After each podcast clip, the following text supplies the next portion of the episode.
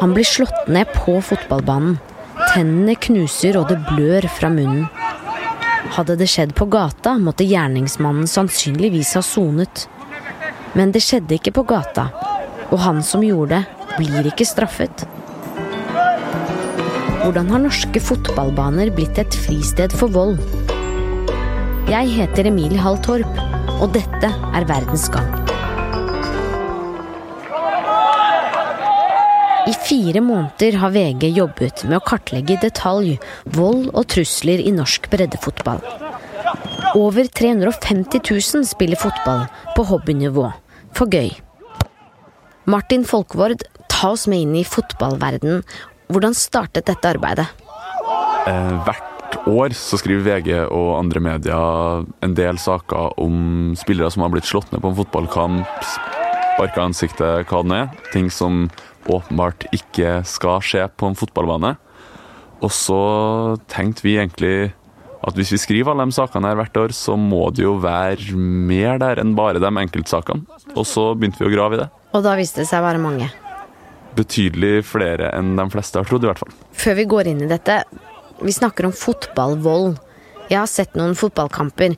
Det er jo harde taklinger, knuffing. Er det sånn type vold vi snakker om her, eller er det noe helt annet? Det her er da ting som åpenbart ikke skal være en del av spillet. Taklinga osv. vil ikke bli definert som eh, fotballvold i den sammenhengen her, mens det vil være snakk om knyttneveslag eller nedskalling eller spark inn mot motspillere idet ballen er ute av spill, den type ting. Dere har funnet ut at siden 2010 så har det vært 103 tilfeller av volds- og trusselsaker i norsk fotball. Disse sakene har endt i Norges Fotballforbunds eget doms- og sanksjonsutvalg. Sportskommentator i VG Leif Welhaven, hva hadde skjedd med disse sakene hvis de hadde blitt anmeldt?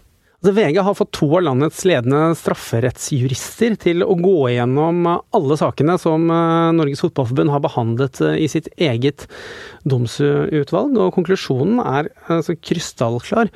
Hvor det viser seg at det mest konservative anslaget innebærer at ca. syv av ti behandlede saker hadde medført en straffereaksjon. Derav en, altså en, betydelig andel ubetinget fengsel, og kanskje altså kan vi nærme oss ni av ti saker som hadde ført oss til en eller annen straff. Eh, dette underbygger jo altså, med, med, all tydelighet hvordan kriminelle handlinger har fått altså, gå fri så lenge det har skjedd eh, på fotballbanen. Martin, du har snakket med ofrene her. Hvem er de?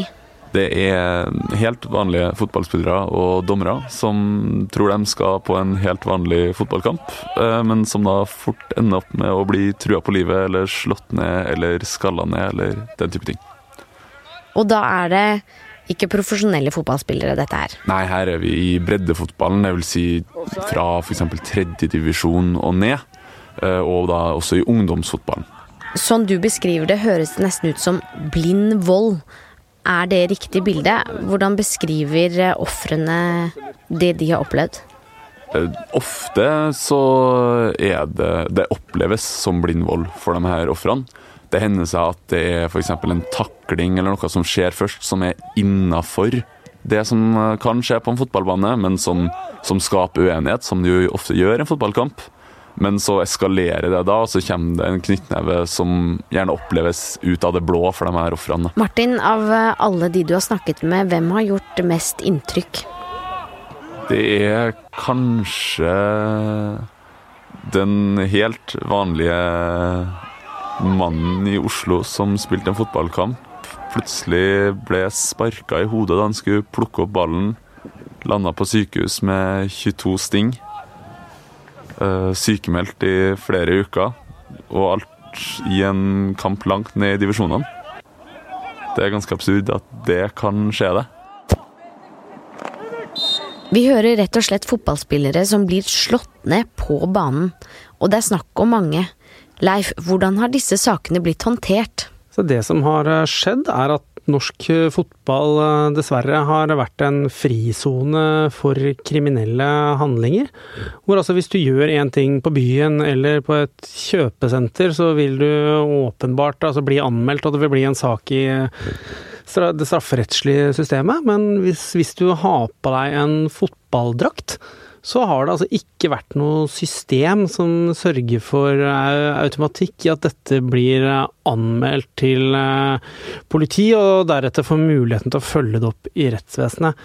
Dette er saker som Fotballforbundet har valgt å håndtere på kammerset, med altså for sånn tvungen pause fra fotballen som, som, sanksjon, i stedet for å bringe det inn der slike saker hører hjemme, som er hos politiet. Så sånn jeg forstår deg, så har eh, disse som har utført denne volden, eh, fått en, en, form for straff, i den grad at de ikke har fått lov å spille fotball på en periode. Men hvis de hadde gjort akkurat det samme et annet sted enn på fotballbanen, så hadde det vært en helt annen konsekvens. Altså, vi snakker om drapstrusler, nedskallinger, slag, spark mot folk som ligger nede, og andre altså helt åpenbare brudd på, på straffeloven, som da absolutt bør hø, altså, høre hjemme i det ordinære strafferettslige systemet. Og det er faktisk sånn at uh, denne type handlinger har hvem som helst en rett til å anmelde. Det Fotballforbundet sånn feilaktig antok, var at det bare måtte være opp eh, til ofrene, som ofte er altså unge mennesker, muligens i en, i en sårbar situasjon, mens det altså helt logiske måtte være at man har en, eh, et system hvor altså arrangøren innenfor disse rammene har faste rutiner som sender et klart signal om at brudd på norsk straffelov skal ikke tolereres noe mer enn om du har på deg en fotballdrakt eller om du har på deg dongeribukse og er på fritida. Mm. Eh, hva vet dere om hvem som utfører denne volden? Det vi vet, er at dette dreier seg eh, om menn, i, altså, i all uh, hovedsak. Ja, det er ikke noen kvinner i disse sakene? Ingen informasjon som tyder på at, det noe, at dette er noe problem på, på kvinnesiden.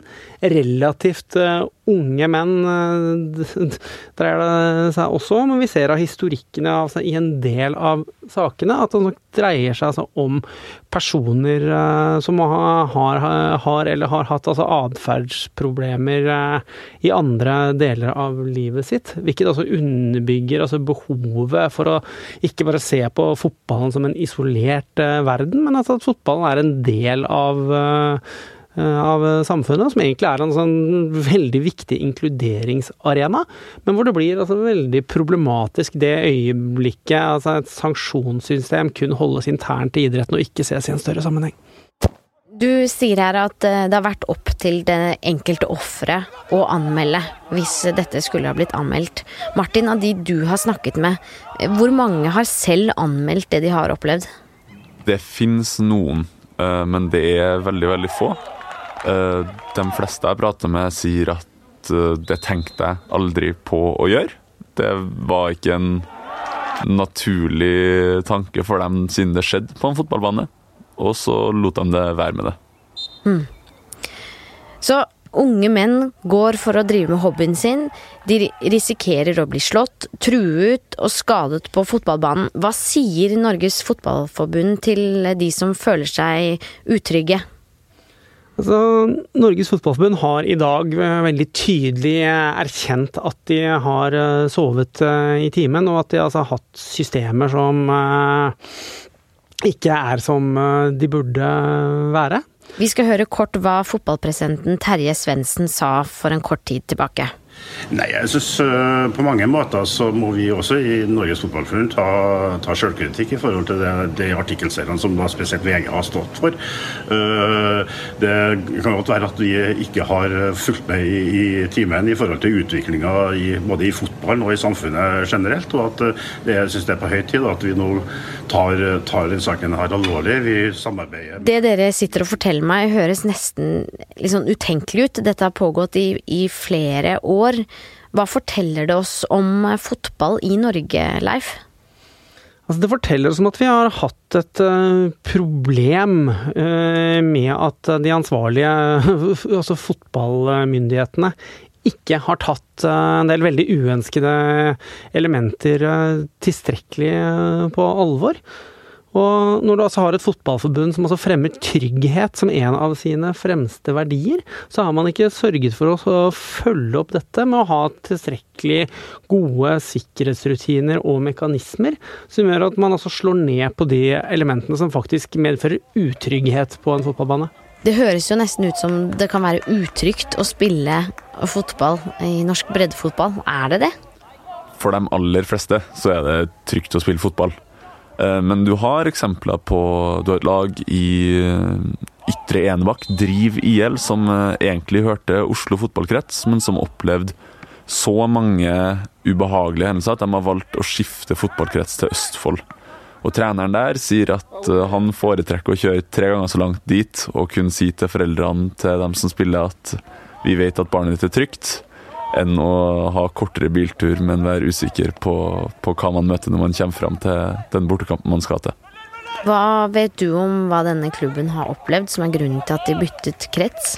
De eh, forteller om alt fra trusler til spillere som har blitt slått ned, til at det har kommet våpen ut på banen. Såpass? Har politiet vært involvert i disse sakene? Ikke som vi er kjent med. Men nå, mandag, så skjedde det noe. Norges Fotballforbund har tatt grep. De sier at de har sovet i timen, og fra nå av vil de starte å legge ansvaret over på arrangørsiden. Sier at voldshendelser som de vi har hørt om, de skal fra nå av bli anmeldt. Altså det som skjedde nå er en veldig viktig politisk eh, programerklæring. De vil bruke litt tid på å meisle ut de nærmeste detaljene. Men altså vi får faktisk Vi kommer til å få på plass forandring på fire områder. Det kommer til å komme et system for altså politianmeldelser av eh, brudd på straffeloven. Det som også er viktig, som vi ikke har hatt, er at vi får et helhetlig eh, system på hvordan fotballen håndterer saker, uavhengig av hvor i landet ting skjer. Det skal ikke være noen forskjell eh, når det gjelder behandlingen innad i fotballens systemer på om det blir slått ned i Bergen eller i Trondheim eh, eller eh, i Tromsø.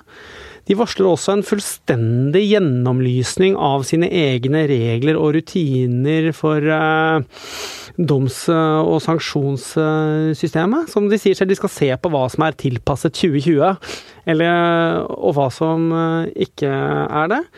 Og i tillegg, eh, og kanskje det aller viktigste, så vil man også opprette mye bedre systemer for altså, dialog med både politi og andre relevante samfunnsaktører, som gjør at NFF i mye større grad enn før ser seg selv i en, altså, i en større sammenheng. Og vi kan altså, få da forhåpentligvis altså, få på plass systemer som gjør det mye enklere for fotballen å være den inkluderingsarenaen som den faktisk skal være for så utrolig mange mennesker i alle aldre. Leif Martin, takk for at dere tok dere tid til å bli med i Verdensgang. Verdensgang er laget av Kristine Hellesland, Tor Erling Tømt Ruud, Roy Furuhaug og meg, Emilie Hall Torp. Produsent er Magne Antonsen.